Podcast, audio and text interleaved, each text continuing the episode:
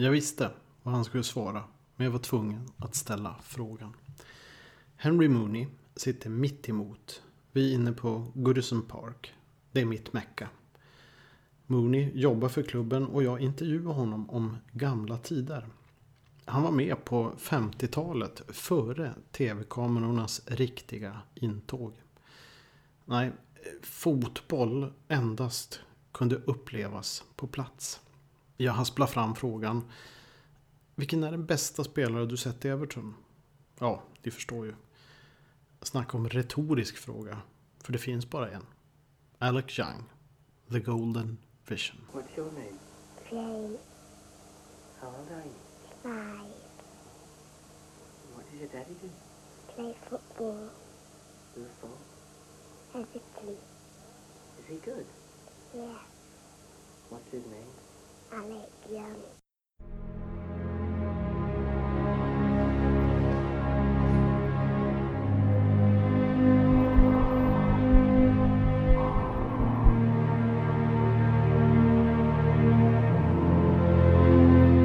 every generation of football fan, there is a player that defines their relationship with the sport. A player that elevates their Saturday from a pastime to a spiritual experience. For Evertonians in the 1960s, there was one player above all others. This is the story of Alex Young. When you're a football fan, you want to go and see a player do things you can't do. stood on the paddock over there under the clock and watched Alex Young make his debut and we all had our mouths open that night. You know, it was one of those sort of moments that we, we, we were all goldfish watching a wonderful talent. Bill Shankly had, had seen uh, Alec Young play a lot of times. So he said, "Look, if you give him room, he says you're taking the cleaners on. To me, you know, he was uh, he was the best of his time. Alec was ahead of his time in terms of the way he played as a centre forward. And, uh, great imagination on the ball as well, do things you hadn't seen people do before.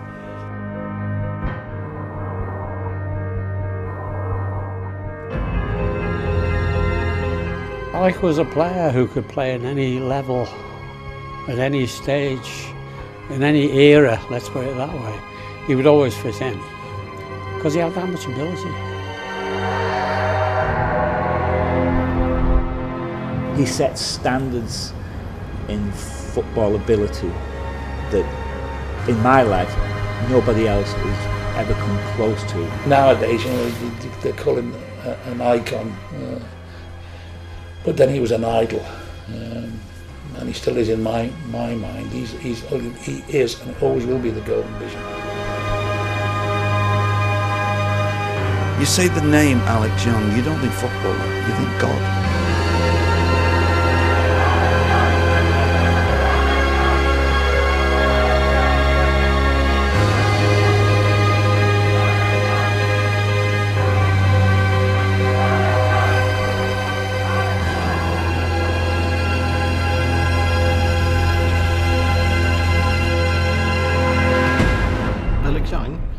Gick bort den 27 februari i år och det är nu på sin plats att ägna några minuter åt denna gigant. Och därmed kommer jag också att närma mig den sfär där det inte längre finns någon gräns mellan fotboll och religion. Once Everton have touched you, nothing will ever be the same.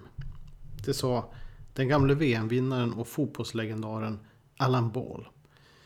Det är numera ett citat som fått ett eget liv och varje gång en biten, det vill säga frälst, hör meningen ja, då kramas hjärtat av en varm hand och ett välbefinnande sprids genom hela kroppen. Och vi ler inombords samtidigt som rätt många av oss är rätt säkra på att vi funnit vår eviga gemenskap och kanske också en del av meningen med livet.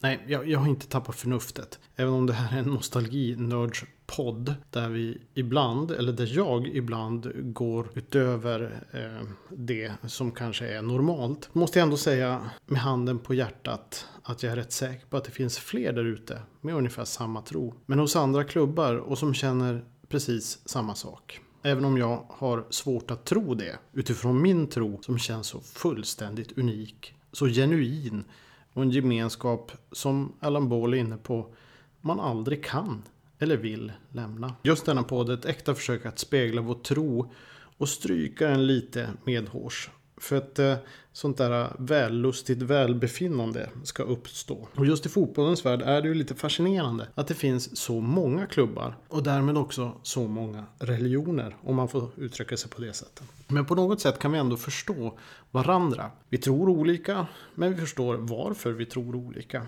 Goodison Park och dess omgivning är för mig mer än ett ställe där fotboll spelas. Det är kultur, det är vackert, det är gemenskap och det känns rakt igenom gott. Varje gång jag åker dit så är de bästa timmarna alltid före match. När jag glider runt i området och insuper atmosfär, dofter och trampar känd mark. Då spelar det inte någon roll att området runt Goodison anses vara en av Europas mest eftersatta. Där finns dörren dit den gamle managern och legendaren får man ändå säga Howard Kendall gick för att eh, få sig några stänkare och sannolikt hålla hov. Där finns kyrkan vid hörnet där kyrkoherdarna är begravda alldeles invid Evertons berömda läktare Gladys Street End. Sannolikt för att ljudet ska nå himlen via rätt förmedlare kan jag tänka mig. Där finns pajerna, fish and chips, fanzinen, den rätt trista hamburgaren med den märkliga stekta löken. Där finns de risiga pubbarna. Där finns statyn av Dixie Dean. Och så crescendot. Det nås när laget springer ut till Sad Cars. Så som det alltid gjort. Ända sedan Alex Youngs tid på 60-talet. Ja, det fanns en sorglig parentes under klåparen Pete Johnsons ägo på 90-talet. Men det lämnar jag därhän. Han var en annan låt. Men han var en klåpare. Men det är precis där, när de springer ut till Sedcars, då livet känns på topp. Och där upplevelsen också är på topp. Sen börjar matchen, det är inte lika spännande. Men just där och då finns det inte en enda paradisö i världen som ens är i närheten av denna magiska upplevelse. Den är nästan utomkroppslig. Och Alec Young, han är faktiskt en av de här apostlarna eller profeterna eller gudalika varelserna om man får ta till ytterligare en nivå. Som representerar det här, som är kärnan i den här klubbens historia, i Goodison Parks historia. Så låt oss nu springa ut till Sedcars tillsammans med Alec Young, som jag tänker berätta lite mer om. Ja, ja jag heter Per Malmqvist Stolt och ni lyssnar på Old School Football Podcast. Nu springer vi ut på Goodison Park.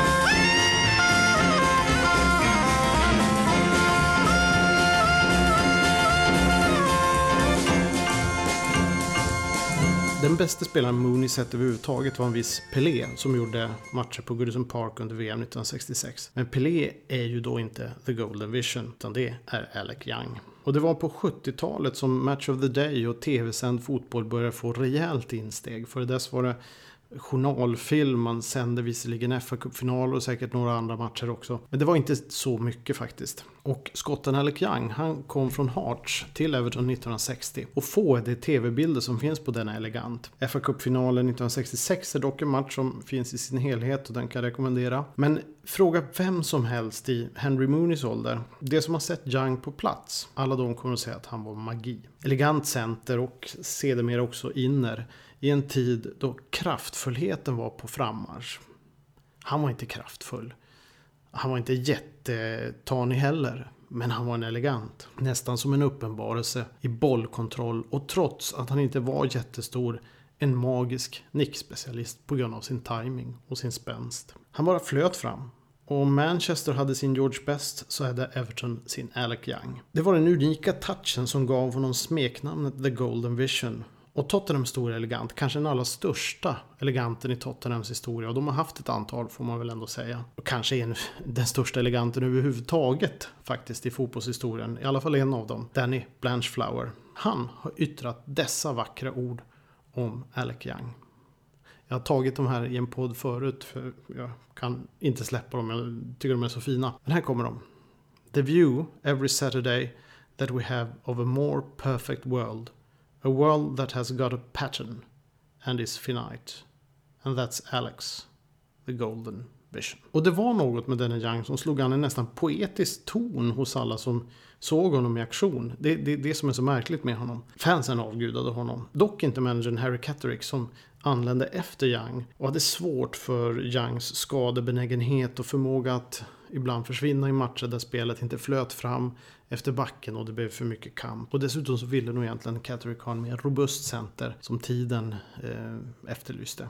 Det var ju den tiden på 60-talet. Och det var faktiskt en berömd incident som skedde i Blackpool säsongen 65-66. Everton hade förlorat, men vad värre var, Catterick hade petat Alec Young. Catterick eh, hade istället ställt ut en väldigt ung, jag tror han var 18 vid det laget, men jag kan inte svära på det men rätt stor kille vid namn Joe Royal som sen skulle bli en Everton-gigant och dessutom manager. Men fansen gillade inte det och det gick inte så bra i matchen. Och på väg ut till bilen ska arga fans ha knuffat Catterick, eller om han nog halkade, men de var på honom. Och för en, vad man ändå måste säga, integritetsknarkande person som Catterick, där värdighet utåt var oerhört viktig, så var det en katastrof. Han hade anlagt en klanderfri överklassaccent tog danslektioner och drack helst vin, fast med måtta. Catterick, ja, han förlät aldrig fansen. Och relationen med Young blev aldrig vad den kunnat bli. Den var aldrig bra från början och slutade inte bra heller. Och 1968 såldes Young ungefär samtidigt som BBC valde att göra en dramadokumentär om honom. Eller i vart fall med honom som någon form av ande som vilade över filmen. Det är alltid denna nästan gudalika position som han hamnar i. Dokumentären hette The Golden Vision. Man kan faktiskt se den på YouTube om man vill. I The Everton Encyclopedia har Alec Young drygt tre tätt skrivna sidor. Trots att hans meriter inskränker sig till en ligatitel 1962-63 och en FA Cup 1966 med Everton. Det är nästan unikt för det här, The Encyclopedia är en magisk bok. Men drygt tre sidor, det är få, om ens någon, som har det. Och då har det passerat en del riktigt bra spelare. Men men, det är ju The Golden Vision. Och sedan han lämnat Everton så sa han följande. Och det är också nästan lite som en profet, nästan lite kusligt. Och nu börjar vi närma oss den här andliga sfären igen. Och den här, när Everton har tagit tag i dig. Som Ball sa, when Everton have touched you. Eller Young, han sa så här. I left Everton Football Club in 1968, but I can honestly say that Everton has never left me. Most professional footballers embrace some sort of superstitions, but I am the sort of a person who can walk into a room and immediately sense vibes about the place. And when I first walked into Goodison Park in November 1960, I could feel something almost spiritual. People may say that's just so much mumbo jumbo, but I still get that feeling when I go back. Everton possesses a kind of magic and it is a magic generated by the quality of players who have been graced the stadium over the past 125 years. Ja, det sa Alec Young för några år sedan. Och nu finns han inte kvar bland oss.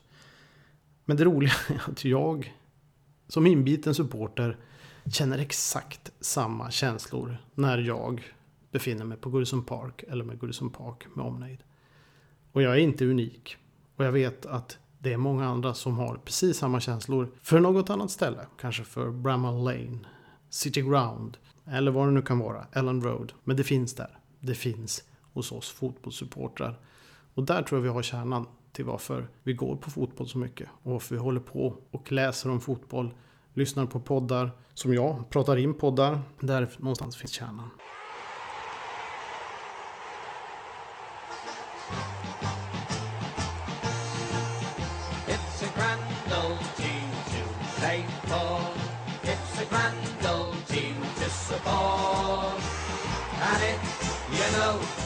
History, it's enough to make your heart go. Oh, we don't care what the red side say. What the heck do we care? Cause we only know that there's gonna be a show when the Everton boys are there. Jag tänkte släppa Young, eh, lite grann i alla fall. Men inte Catterick. Eh, Evertons manager på den tiden, Harry Catterick. Eller snarare förhållandet mellan Catterick och en viss Bill Shankly i Liverpool Football Club. Vilket i sig är en bit härlig fotbollshistoria. De här två speglade varandra på ett nästan eh, förunderligt vis. Bill Shankly passade som handen i handsken i ett fotbollstokigt Liverpool. One-linens mästare, folkets man. The Great Motivator. Men i andra ringhalvan fanns en grå, tillbakadragen och av spelarna fruktad person vid namn Harry Catterick. Evertons manager var en komplex personlighet som dock besatt en stor taktisk förmåga. En mästare på spelaffärer och med visioner som visat sig vara framtida sanningar. Bland annat hans träningsanläggning Belfield byggdes ju som ett La Masia egentligen redan på 60-talet. Båda var oerhört framgångsrika. Bill Shanklys placeringar mellan 1959-60 till 73-74 var 3, 3, 1 i division 2 då, de tre första säsongerna. Sen när de kom upp i högsta divisionen 8, 1, 7, 1, 5, 3, 2, 5, 5, 3, 1, 2. Lägg där till en Uefa Cup-seger samt tre FA Cup-finaler varav två vinster. Harry Kattericks placeringar från 1961-62 till 72-73 är, och det var alla i högsta divisionen, 4, 1, 3, 4, 11, 6, 5, 3, 1, 14, 15 och 17. Dessutom två FA-cupfinaler varav en seger. Bill Shankly hade ju då några inledande tunga år i division 2 medan Harry Catterick avslutade med tre tuffa säsonger då hans hälsa också vacklade betänkligt. Men förutom detta så har båda presterat under lång tid och på den allra högsta nivån. Och ändå så olika. Bill Shankly kallades, och kallade ofta Catterick för Happy Harry. Medan Catterick refererade till den skotske upprorsmakaren Rob Roy när det gällde Liverpool-managern. Det var inte nära vänner. Men kanske inte så stora ovänner som många kunde tro. Det var helt enkelt oerhört olika och styrde två lag i en stad där fotboll var religion. Nu är vi inne på det där igen. Och det var dessutom i stenhård konkurrens. För på den tiden, då var konkurrensen mellan Everton och Liverpool. Exempelvis hade Bill Shankly lotsat fram backen Ray Wilson i Huddersfield. Där han eh, haft problem och inte riktigt platsat. Bara några år senare skulle han vinna VM i England. Wilson hamnade dock i Harry Cattericks Everton. Varpå Shankleys syn på sin gamla protegé förvandlades i motsatt riktning. Och Ray Wilson själv har beskrivit eh, You don't realize how intense the Liverpool-Everton rivalry is. It took me a couple of years to realize that feeling bordering on hatred they have there. I'd be talking to Bill as I remember him at Huddersfield and he'd be telling me it was a disgrace I'd got picked for England. I was the worst fullback ever. Anyone from the other side was just totally unacceptable. Medan Shankly var god vän med managerkollegor som Matt Busby så odlade inte Catterick samma relationer. När Shankly var i Grimsby talade han gärna till publiken via högtalarsystemet och höll tal till The Cop på Anfield. Medan det var svårt att få Catterick att skriva något i matchprogrammet. Bill Shanklys dörr var alltid öppen medan Harry Catterick låste om sig ute på Belfield. Folkets man stod emot integritetens mest fundamentalistiska uttolkare. Cattericks behov av att ha kontroll över allt i minsta detalj var i direkt motsats till alla former av öppenhet. Inte minst mot pressen. Faktum var att han försökte förbjuda tv-kameror på Goodison Park och lämnade alltid laguppställningar sent och i bokstavsordning så att ingen skulle kunna räkna ut hur Everton skulle spela. Att skriva i programbladet gjorde han då som sagt var ytterst motvilligt och fansen höll han på säkerhetsavstånd. Under en period fick Catrick för sig att göra Liverpool till en tv-fri zon och skickade representanter till Anfield för att prata om detta. Liverpool FC ville definitivt inte förbjuda tv-sändningar, allra minst Shankly själv. Men eftersom Everton starke man Sir John Morse även var ägare i Liverpool FC vågade man inte tacka nej till ett möte, men allt rann sedan ut i sanden. Istället blev just Merseyside-derbyt föremål för en tv-sändning. fa Cup-matchen 1967 spelades på Goodison och sågs på en jätteskärm på Anfield. Totalt sett var det över 100 000 åskådare. Jag tror att Everton vann med 1-0 och för mig det var Alan Ball som avgjorde. Två gånger har Cattericks agerande fått Shankly att lämna in en avskedsansökan. I början på 60-talet avtalade Catterick med Liverpools ledning att köpa en ung kille från reservlaget vid namn Johnny Morrissey. Affären genomfördes snabbt bakom ryggen på Shankly som blev fly förbannad och Morrison var, var en spelare som Shanks trodde mycket på och såg som en del av Liverpools framtid. Men än värre var att direktören har gjort affären i sin okunskap och utan att Shankly fått säga sitt. Detta skulle aldrig hända igen i Liverpool FC under Shankleys tid. Bill Shankly hade under en längre period följt den begåvade mittfältaren Howard Kendall också. Och 1967 trodde alla att affären var i hamn då det stod med stora tidningsrubriker. Men det visade sig vara Harry Catterick som duperat en journalist att exklusivt få tipset att Kendall var klar för Liverpool och inte Everton. I själva verket skrev Kendall på för Catterick och Everton samma dag. Även denna gång blev Shankly förbannad och lämnade in sin avskedsansökan som dock aldrig öppnades och blev liggande i ett skrivbord på Anfield. Om Harry Cattericks spratt var lite mer illasinnande så såg Shankly till att konstant skoja om Happy Harry. Och The Great Motivator visste var slipstenen skulle dras och på vilket sätt. I samband med att Everton åkte ut ur Europacupen 1971 blev Catrick sjuk på planet och kunde inte vara med under den så viktiga fa Cup-semifinalen mot Liverpool på lördagen. När Everton-spelarna var på väg in mot omklädningsrummet såg Shankly till att vara på plats för att genomföra lite sådana här klassiska mind games alla Shanks. Hello boys, how are you? Shame about midweek. Han fortsatte. Hinting a surprise, where's Harry? Och någon svarade. Oh, he's not very well, he, Bill. He, he isn't here. Jesus, they would have to put a window in my coffin so I didn't miss the game. Inför semifinalen gick Shankly som på nålar. Redan eh, i veckan faktiskt. Så han var inte så cool som han lät där. Då det skulle lyfta för att spela Europas Fairs Cup i München möttes det av en irländsk pilot som eh, med sin breda dialekt presenterade sig. Och för Shankly lät det som att han sa Heim on Friday. Och han exploderade Heim on Friday, Heim on Bloody Thursday. Han ville hem på torsdag. För han ville förbereda sig inför semifinalen. Det visade sig att piloten hette Amon Friday. Vilket kunde låta som Heim Friday. Tyskland drabbades av ett kraftigt snöfall dock och matchen kunde inte spelas på utsatt dag. Rastlöse Shankly gav genast order om att packa men upplystes om att Uefas regler krävde att man stannade ytterligare ett dygn. Efter samtal med Uefas representant konstaterade Shankly “Come on, we gotta stay”. Ungefär som han försökte övertala någon annan än honom själv. Några minuter innan hade han utbrustit Harry Catterick will be having tea in his own house. Samtidigt som Bill Shankly skulle vara kvar i Tyskland. Det finns också en historia om när Bill Shankly dyker upp på Belfield med lite kycklingsoppa efter att Harry Catterick har kommit tillbaka efter sjukdom och frågar om David Johnson och Joe Royle är till salu. Två olikheter i tuff konkurrens. För det var alltid konkurrens. Det såg de. Nerverna var utanpå hos båda många gånger. I en stad där fotbollen var och faktiskt är en religion. Men de kunde samtidigt förstå varandra i sättet att spela fotboll. När Everton vann ligan 1969-70 med ett fantastiskt spel så blev ändå Don Revy utsedd till Manager of the Year. Lite symptomatiskt för Harry Catterick. Han vann aldrig sådana grejer. Shankly konstaterade dock senare I'm not saying anything against Don Revy and Leeds United were great. But that year, though they ha had been involved in everything, Leeds won nothing. It must have been a terrible blow for a fellow like Harry who had just won his second championship. Det fanns en unik och mustig färgrikedom över rivalerna Shankly och Catterick. Över Everton och Liverpool. Som kanske inte längre finns, inte på samma sätt tyvärr. Men det finns på nya sätt, på andra sätt. 60-tal, Merseyside, Shankly, Catterick, The Golden Vision. Ja, närmare andligheten så här lär i vart fall inte jag komma. Old School Fotboll i väntan på lördag. Skål på er!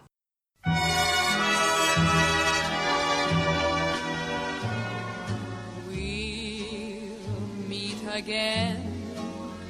Don't know where, don't know when, but I know we'll meet again some sunny day.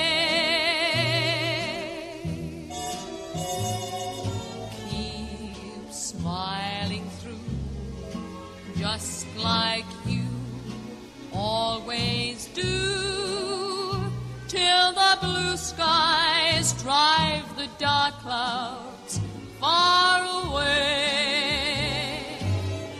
So will you please say hello to the folks that I know? Tell them I won't be long. They'll be happy to know you saw me go, I was singing this song. We meet again, don't know where, don't know where.